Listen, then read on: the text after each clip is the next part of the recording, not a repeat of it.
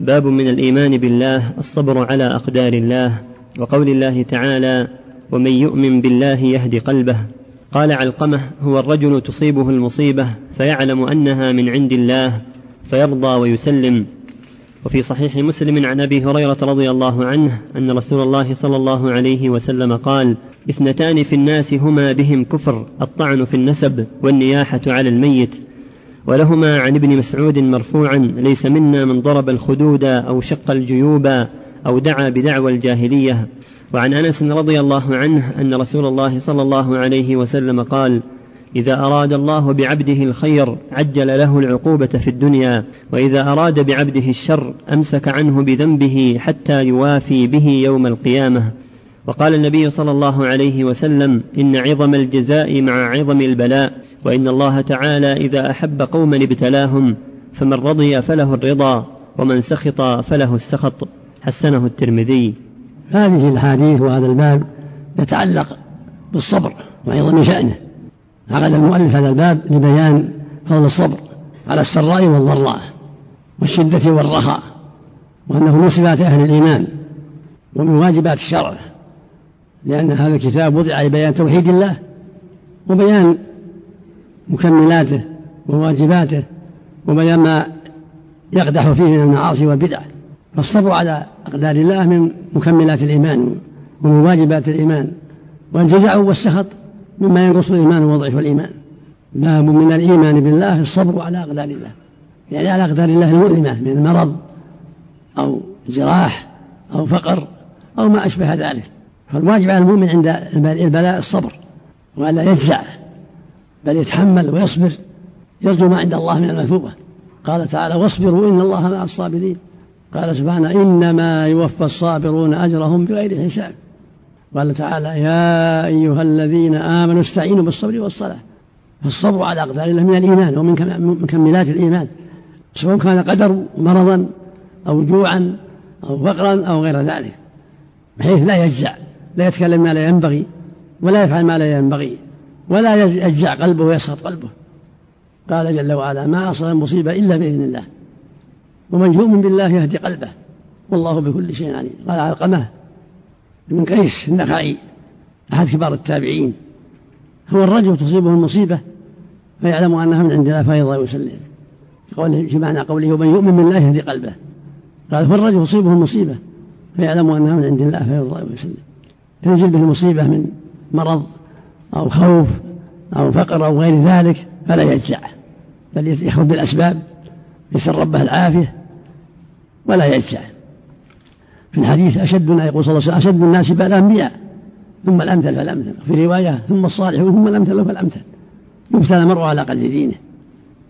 قد ابتلي الأنبياء قتل وبالمرض وبغير هذا كما قال عن عن اليهود ويقتلون الأنبياء بغير حق. وقال عن أيوب وأيوب إن نادى بر إن نادى ربه أني مسني الضر وأنت أرحم وهو من أنبياء الله. قال تعالى وما أصابكم من مصيبة فبما كسبت أيديكم ويعفو عن كثير. فقد يكون تكون مصيبة شيء كسبه من معاصي أو أعمال جرت عليه المصائب بإذن الله وقدره. وقد يصاب تمحيصا وتكفيرا لسيئاته ورفعا لدرجاته كما يصيب الأنبياء فيكون ذلك رفعا لدرجاتهم. كما أصاب أيوب وأصاب نبينا وغيرهم. قال تعالى في أحد في مصيبة أحد أولما أصابتهم مصيبة قد أصبتم مثلها يعني يوم بدر. قلتم أن هذا. قال تعالى قل هو من عند أنفسكم. إن الله على كل شيء قدير. وما أصابكم يوم التقى الجمعان فبإذن الله. وليعلم المؤمنين. وليعلم الذين نافقوا. وقيل لهم تعالوا قاتلوا سبيل أو ادفعوا قالوا لو نعلم قتال لاتبعناكم. هم من الكفر يومئذ أكرهون يقولون بأفواههم ما ليس ما ليس في قلوبهم. والله أعلم ما يكتمون.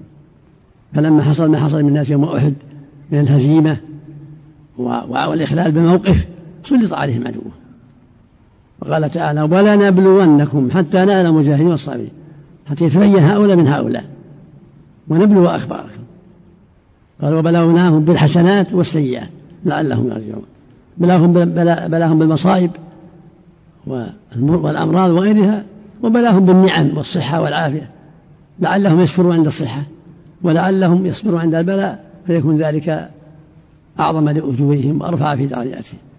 والصحيح يقول صلى الله عليه وسلم إثنتان في الناس هما بالكفر يعني فاشيتان في الناس كثيرة في الناس. الطعن في النسب والنياحة الميت.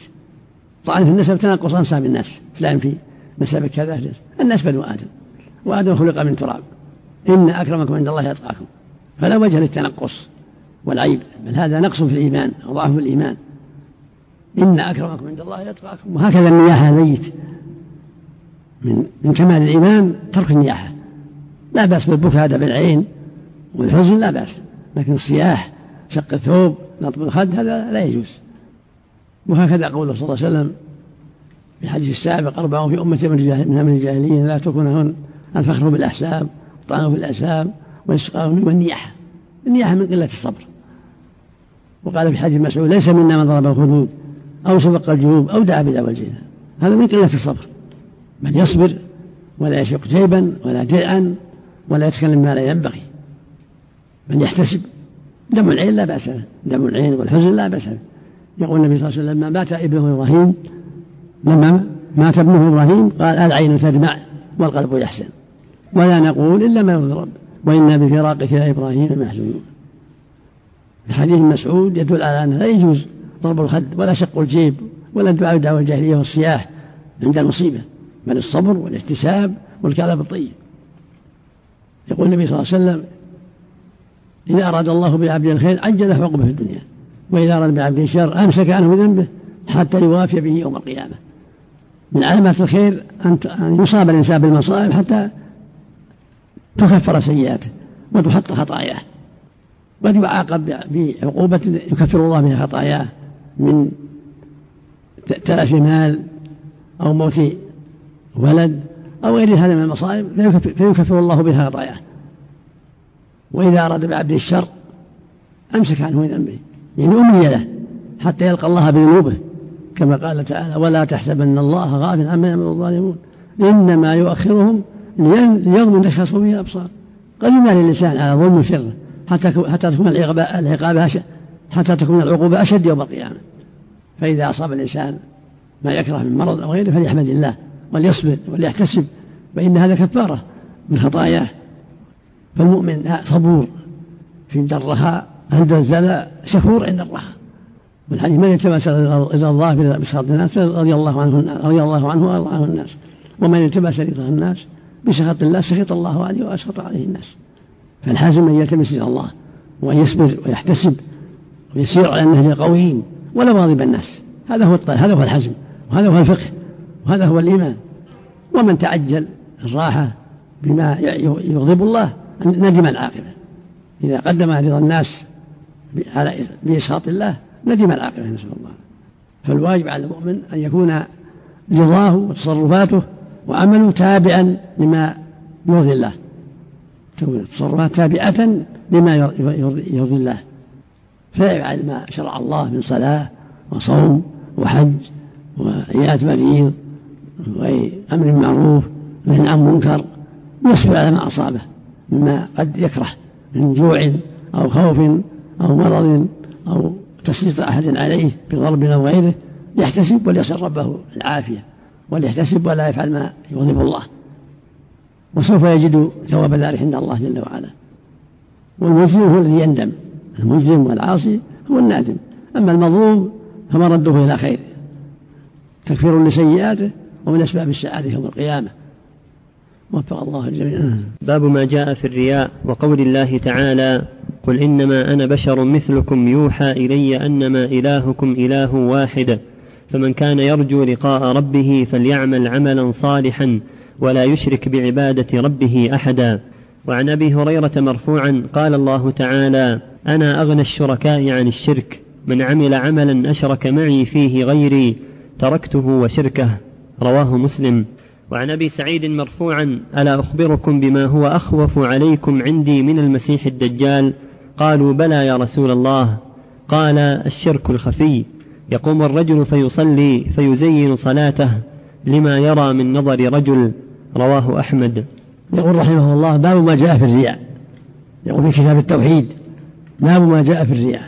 والرياء هو المراءة بالعمل يصلي يراعي الناس أو يتصدق يراعي الناس أو يقرأ يراعي الناس حتى يمدحوه حتى يثنوا عليه حتى يقال إنه قارئ أو إنه جيد أو إنه يصلي أو إنه يصدق. هذا هو الرياء. والرياء من الشرك. يجب تركه والحذر منه. لن ينفعك. رياء الناس لن ينفعك بل يضرك. الواجب الإخلاص لله في العمل. إذا صلى يصلي لله يقرأ لله يتصدق لله لا لمراءة الناس ولا لحمد الناس ولا ثنائهم ولكن تكون أعماله لله وحده من قراءة أو صلاة أو صدقة أو صوم أو عيادة مريض أو اتباع جنازة أو أمر معروف أو نهي عن منكر أو دعوة إلى الله أو غير هذا. كله لله وحده. قال تعالى قل هذه سبيلي أدعو إلى الله. على بصيرة. قال جل وعلا ومن أحسن قولا ممن دعا إلى الله وعمل صالحا. قال تعالى قل إن صلاتي ونسكي ومحياي وماتي لله رب لا شريك له. ويقول جل وعلا فمن كان يرجو لقاء ربه فليعمل عملا صالحا. ولا يشرك بعبادة ربه هذا. يعني لا قليلا ولا كثيرا. لا رياء ولا غيره. بل يجب أن تكون العبادة لله وحده. من صلاة أو ذبح أو نذر أو صدقة أو حج أو عمرة أو صيام أو غيرها كله لله وحده لا يقصد رياء الناس ولا ليحمدوه ويثنوا عليه أو يقال إنه عابد أو أنه جيد أو أنه كذا أو كذا لا.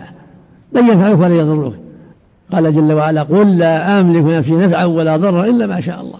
ولو كنت أعلم الغيب لاستكثر من الخير وما مسني السوء. إن أنا إلا نذير وبشير لقوم يؤمنون. فالعبد ليس عنده ضر ولا نفع إلا بإذن الله وقدره جل وعلا. فالواجب الإخلاص لله وطلب مرضاته بعباداته كلها. يقول الله جل وعلا في الحديث القدسي أنا أغنى الشركاء عن الشرك. من عمل عملا أشرك معي فيه غيري تركه وشركه معناه أنه سبحانه غني عن الشرك. فمن أخلص لله قبل عمله إذا وافق الشريعة. ومن جعل مع الله شريكا هو لصاحبه. والله بريء منه. ولهذا يقول جل وعلا أنا أغنى عن الشرك من, من عمل عملا أشرك معي فيه فهو لشريكه ليس لي منه شيئا والله تركته وشركه. فوجب الحذر من ذلك. ويقول صلى الله عليه وسلم أخوف ما أخوف ما أخاف الشرك الأصغر.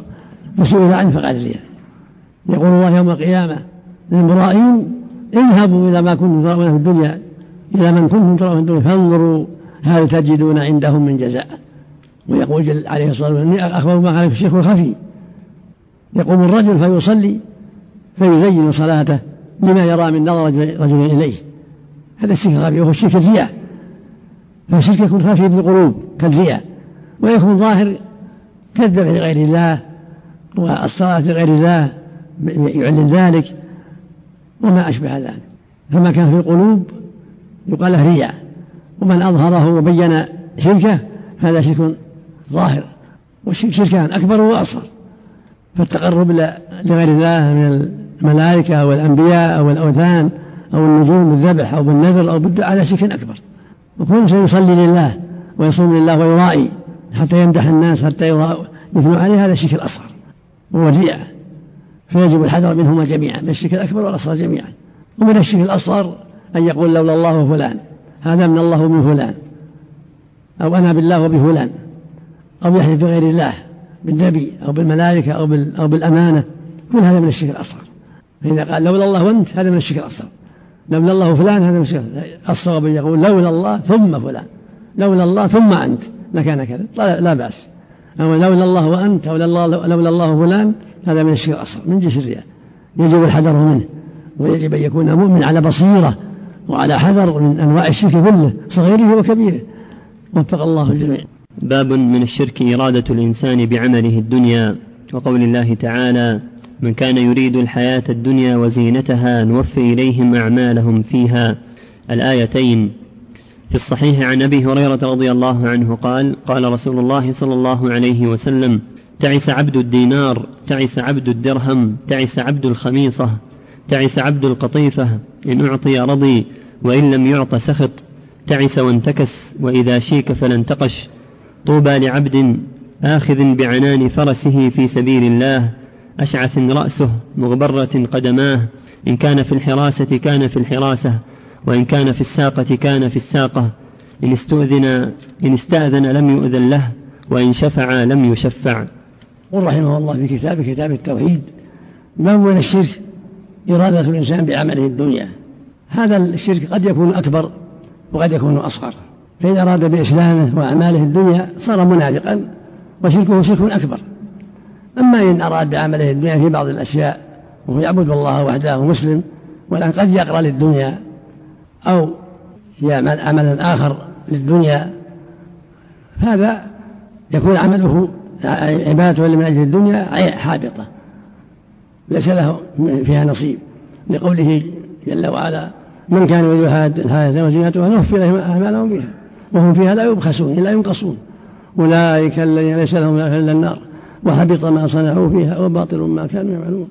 قال تعالى من كان يريد العاجلة إلى الدنيا عجلنا له فيها ما نشاء لمن نريد ثم جعلنا له جهنم يصلاها من مدحورا ومن أراد الآخرة وسعى لها سعيها وهو مؤمن فأولئك كان سعيهم مشكورا.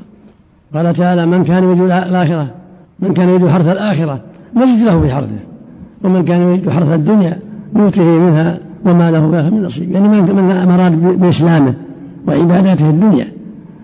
فقد يعجل له ما يريد وقد يقتر عليه ولا يعطى إلا ما كتب الله له من الشيء اليسير فيخسر الدنيا والآخرة. وهذه حال المنافقين الذين أظهروا الإسلام لأجل الدنيا. فهم بهذه الصفة. ليس له في الآخرة إلا النار. وحبط ما صنعوا فيها وباطل ما كانوا يعملون. أما المسلم الذي يعبد الله ويوحده قد يعمل بعض الأعمال للدنيا.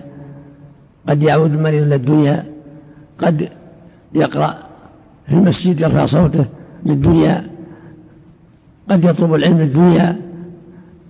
هذا نوع من الشرك الأصغر لأن الرسول قال أخبث ما أخاف الشرك الأصغر فسئل عنه فقال الرياء وهكذا قد يصلي ويزين صلاته ليمدح أو يقرأ ويحسن صوته ليمدح لا للآخرة ولا لله وما أشبه ذلك. هذا من الشرك الأصغر. يبطل العمل الذي قارنه صاحب مذموم على خطر. فالواجب الحذر منه. إذا قرأ يقرأ لله. إن صلى صلى لله. إن عاد مريض عاده لله وهكذا. يرجو ثواب الله ويخشى عقابه. في الصحيح عن النبي صلى الله عليه وسلم قال تعيس عبد الدينار تعيس عبد الدرهم تعيس عبد الخميصة تعيس عبد الخميلة. الخميصة كساء له أعلام والخميسة والخميلة كساء سادة ليس له أعلام إن أعطي رضي وإن لم يعطى سيد تعس وانتكس وإذا شيك صارت شوكة فلا انتقش دعاء عليه إنه لا يسهل الله حتى إزالة الشوكة. معنى تعيش عبد الدينار يعني يعمل الدينار. عبد الدرهم يعمل الدرهم عبد الخميس يعمل لها. عبد الخميلة يعمل لها. لا لله. فصار عبدا لها لأنه يوالي لها ويعادي عليها. والواجب على كل مكلف أن يقصد بأعمال وجه الله وطلب الله سبحانه وتعالى. فإذا قصد من عمله رياء زيد أو عمرو صار عملا باطلا ويسمى شركا أصغر ولهذا يقول صلى الله عليه وسلم أخوف ما أخاف الشرك الأصغر. فسئل عنه فقال الرياء. يقول الله يوم القيامة اذهبوا إلى من كنتم تراؤون في الدنيا فانظروا هل تجد عندهم من جزاء. فالواجب على المؤمن في جميع أعماله إخلاص الله وأن يقصد وجهه جل وعلا. في صلاته وقراءته وصدقاته وأمره بالمعروف ونهي عن المنكر وغير هذا. أن يقصد وجه الله والدار الآخرة وأن يقصد بهذا العمل امتثال أمر الله ورسوله والعمل بما شرع الله. ثم دعا بالتعاسة تعيس عبد الدينار تعيس عبد الدرهم يعان عليه بالمشقة والتعاسة إذا كانت عبادته للدينار والدرهم والخميصة والخميلة ليس لله. تعيس عبد الدينار تعيس عبد الدرهم. تعيس عبد الخميصة تعيس عبد الخميلة هؤلاء يعطون دراهم أو دنانير أو قمص خمائص أو خمائل ليكذبوا أو أو ليظلموا أحدا وما أشبه ذلك. فقد تعيسوا بهذا. إن يعطي رضي وإن لم يعطي هذه هذه هذا صفته صفة العبد لها. إن يعطي رضي وإن لم يعطي ويرضى إذا حصل مطلوبه في الدرهم والدينار يسخط إن لم يحصل. ليس عطاؤه لله ولا منعه لله. بل هو تابع لهواه. ولهذا قال تعس وانتكس. دعاء عليه. وإذا شك فلا انتقش وإذا أصابت شوكة فلا يسر له له من يزيلها. دعاء عليه على سوء عمله. والواجب على المؤمن الصدق في شهاداته وفي أيمانه. طوبى لعبد آخذ بعنان في سبيل الله. أشعث رأسه مبرة قدمه. إن كان بحراسة كان بحراسة. وإن كان في الساقة في الساقة هذا يخبر عن حال الطيب المؤمن أن له طوبى الذي يجاهد في سبيل الله. ليس قصده الدنيا وخرافاتها إنما جاهد لله جل وعلا.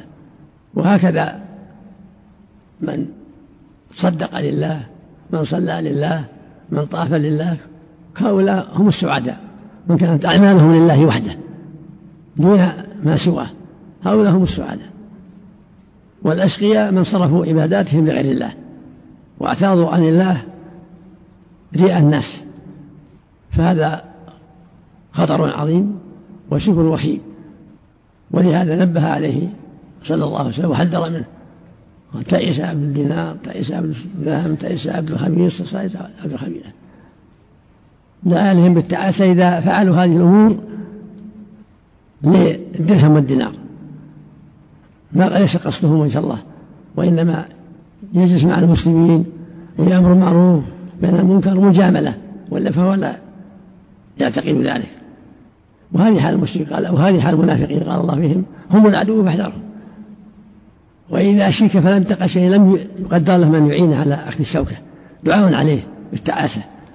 ثم قال في في وصف الممتثل الطيب طوبى لعبد يعني أي عبد أي إنسان آخذ بعنان فرس سبيل الله. أشعث رأسه ومرت قدمه يعني مجتهد في الجهاد. يمشي على قدميه. يصيبه الغبار وبقية بدنه. من أجل الصبر على مقارعة الأعداء فينبغي المؤمن أن يلاحظ هذا الأمر العظيم وأن يكون في أعماله كلها مخلصا لله بعيدا عن الرياء والسمعة. وهذا اللي أثنى عليه النبي صلى الله عليه وسلم قد أخلص لله وجمع قلبه على الله ولم تشغله الدنيا عن إخلاصه لله.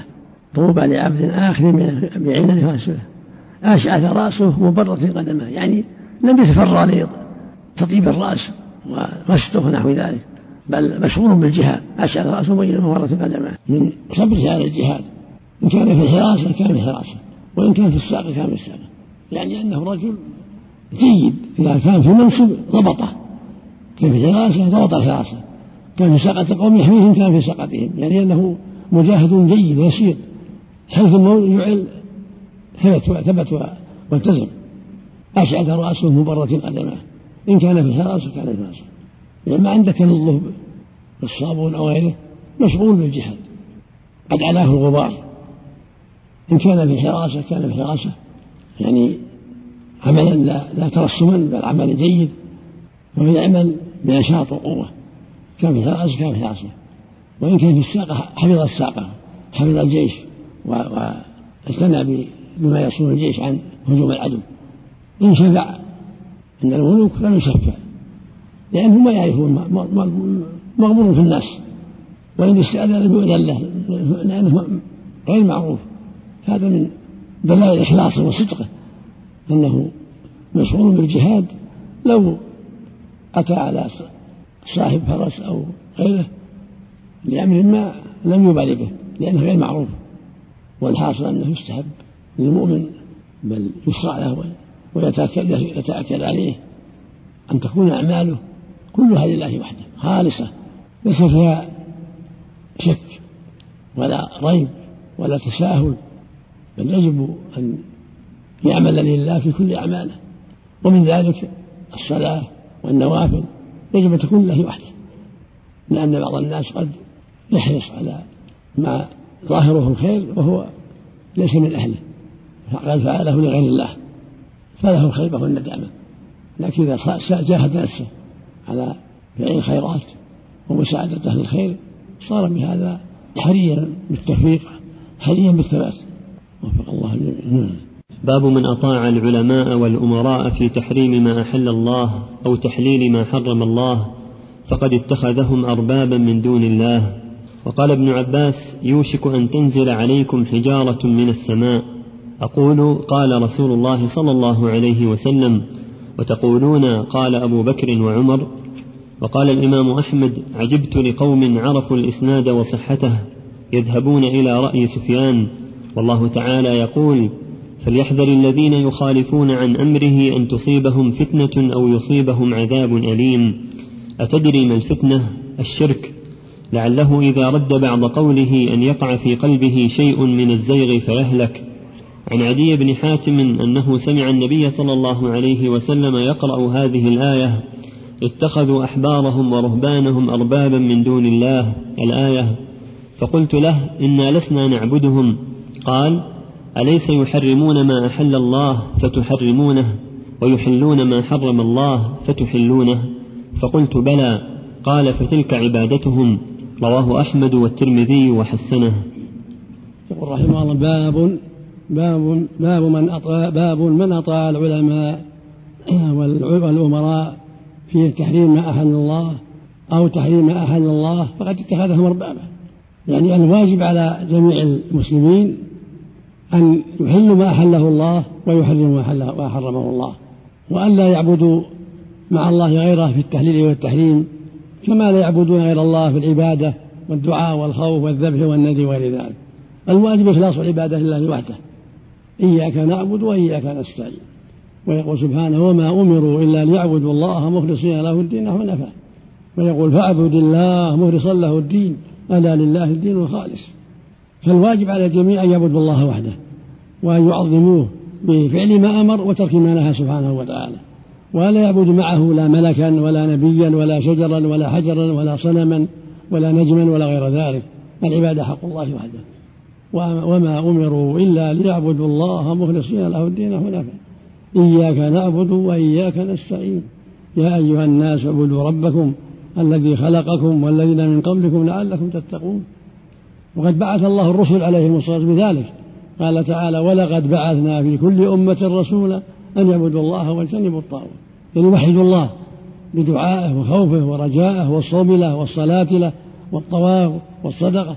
وغير هذا كل كل ذلك لابتغاء وجهه طلب القربة لديه والثواب من عنده سبحانه وتعالى. ولا يجوز أن يعبد مع الله لا ملك ولا نجم ولا جن ولا شجر ولا حجر ولا صنم ولا ملك ولا نبي ولا غير ذلك. العبادة حق الله وحده. أما الأنبياء يتبعون الرسل الواجب اتباعهم وطاعتهم. كما قال تعالى أطيعوا الله وأطيعوا الرسول. قال تعالى وما آتاكم الرسول خذوه وما نهاكم فانتهوا. قال تعالى من يطع الرسول فقد أطاع الله. وهكذا لا يجوز اتخاذ قبورهم معابد وكان تعبد مع الله. ولا يجوز طاعة العلماء والأمراء في تحريم ما أحل الله أو تحليل ما حرمه الله. ولهذا قال رحمه باب من اتخذ من أطاع العلماء والأمراء في تحريم ما أحل الله أو تحليل ما حرمه الله. فقد اتخذهم أربابا. والمقصود من هذا التحريم من ذلك. قال الله عن اليهود والنصارى اتخذوا أحبارهم ورهبانهم أربابا من دون الله والمسيح ابن مريم. هذا شأن علماء اليهود عامة اليهود والنصارى. اتخذوا أحبارهم ورهب أحبارهم علماءهم ورهبانهم عبادهم. اتخذوهم أربابا من دون الله يعبدونهم يدعونهم يستغيثون بهم ينذرون لهم يعكفون على قبورهم يبنون عليها المساجد يحلون ما أحلوا ما حلوا ويحرمون ما حرموا.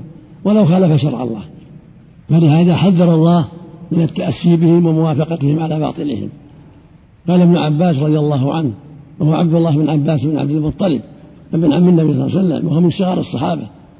قال رضي الله عنه لما خالفه بعض الناس فيما ينقله عن النبي صلى الله عليه وسلم قال يوشك أن يقرب أن تنزل عليكم حجارة من السماء. أقول قال رسول الله صلى الله عليه وسلم وتقولون؟